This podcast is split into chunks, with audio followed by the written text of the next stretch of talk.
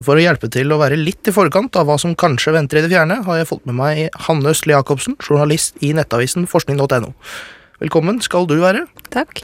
Vi skal blant annet prate litt om eh, romfly. For det er jo sykt dyrt å sende opp romraketter, ikke sant? De står rett opp og ned og eh, trenger ekstremt mye drivstoff for å komme seg opp og ut, f.eks. til den internasjonale romstasjonen. Så tanken er å utvikle noe som er fly når det er i atmosfæren, og så er det romfartøy når du kommer opp så høyt uh, at vanlige fly ikke fungerer. Og da er det dette prototypeflyet Skylon da, som de stadig kommer noen skritt nærmere å utvikle, og nå uh, har de klart å hoppe over noen av de aller, aller vanskeligste hindrene, sånn at uh, ja, i løpet av en ti år cirka, så håper de at vi kan ta kommersielle fly ut i verdensrommet, da. Det hadde vært superfett. Du sier jo at uh, de har jobba med å endre sånn at det kan være vanlig fly og så bli til rakettfly. Hvordan er det egentlig det fungerer?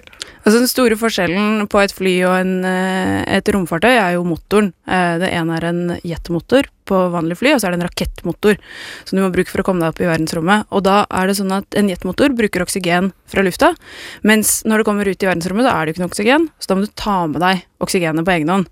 Problemet da blir jo å få en motor til å være det ene, og så på en måte Først så suger det inn oksygen når du er på et sted hvor det er oksygen.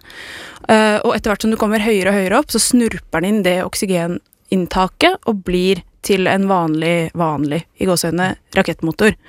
Um, og så er problemet det å suge inn veldig mye oksygen veldig høyt oppe uh, i en motor som skal ha ekstremt høyt trykk. Da blir det sykt, sykt varmt. Så varmt at den motoren ville ha smelta. Og det er det som har vært problemet til nå, sånn i hovedsak, da. Sånn at det forskerne jobber med nå, det er briter som er liksom i forefronten på dette her, uh, er et kjølingssystem med flytende helium som uh, kjøler ned oksygenet som trekkes inn i motoren, til minus 150 grader celsius på sånn type 0, ingen sekunder. Altså seks ganger raskere enn du blunker, da. Så får de den temperaturen ned. Og det er den, det hinderet som de nå har klart å hoppe over, og dermed tenker de dette skal vi faktisk få til. Nanoteknologi. Mm -hmm. Uh, nanoteknologi er jo veldig liten teknologi. Det er det jeg har forstått som en uh, utsideobservatør. Jeg har lest at uh, nå har man begynt å bruke det i klær. Nettopp. Hva er det det egentlig er planlagt å gjøre med klærne våre? Jeg holdt på å si hva er det det er ikke planlagt å gjøre. De har tenkt på så utrolig mye forskjellig som du kan stappe inn i klærne. For poenget er at når det er så lite, så blir det heller ikke så tungt og så vanskelig og så dyrt forhåpentligvis i fremtiden. Så for eksempel, eh, det brukes allerede i dag, eh, putter de nanosølv, sølvpartikler, veldig, veldig, veldig små, inn i klærne for å hindre tåfislukt, f.eks. i treningsskoa dine eller i treningsjakka di når du trener. Men i tillegg så tenker de jo eksempel eh, selvrensende klær, eh, litt mer sånn heavy selvrensende, eller de kan på en måte gå helt over i, i fremtidsverden og putte elektrisitet inn i klærne, sånn at jakka di blir strømførende og kan lade mobiltelefonen din.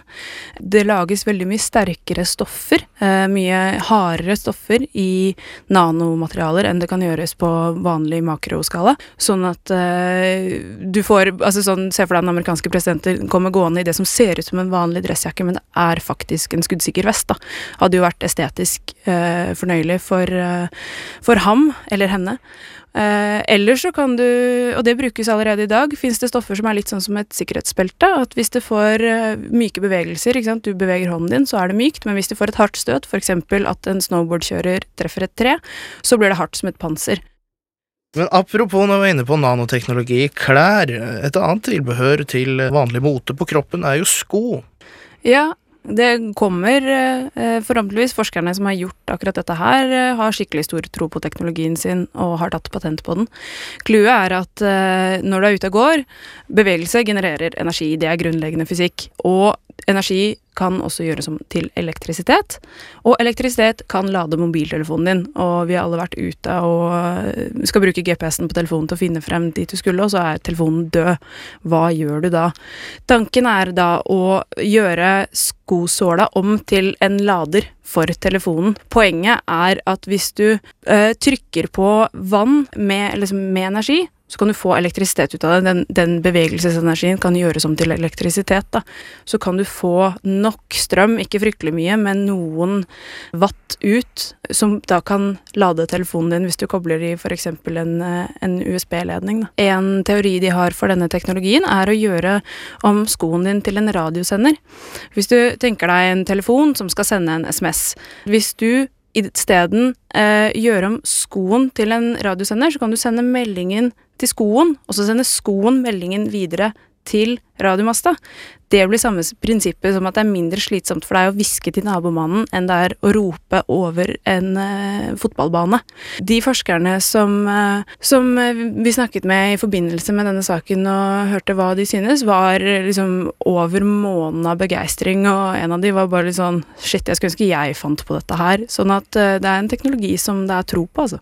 Denne lille energien som da skapes i skosåla, som kommer da sannsynligvis av friksjonen, da, eller når du tråkker, altså skrittet Kroppen i seg selv genererer jo ganske mye varmeenergi. Mm. Mer enn det et skritt ville da gjøre. Det fins ikke noen måte å utnytte den på. Du kan banne på at det er en eller annen forsker som prøver å kommersialisere det, men uh, akkurat hvordan det skulle være, det tror jeg du får følge med på forskning.no for å finne ut av. Tusen takk til, uh, til deg. Selv takk. Hanne Øsli Jacobsen, for at du kom og gjorde oss litt klokere på hva vi kan vente oss uh, nå, kanskje i morgen. Og litt lenger framover, kanskje. Kanskje litt lenger frem i tid, men ja. definitivt i fremtiden.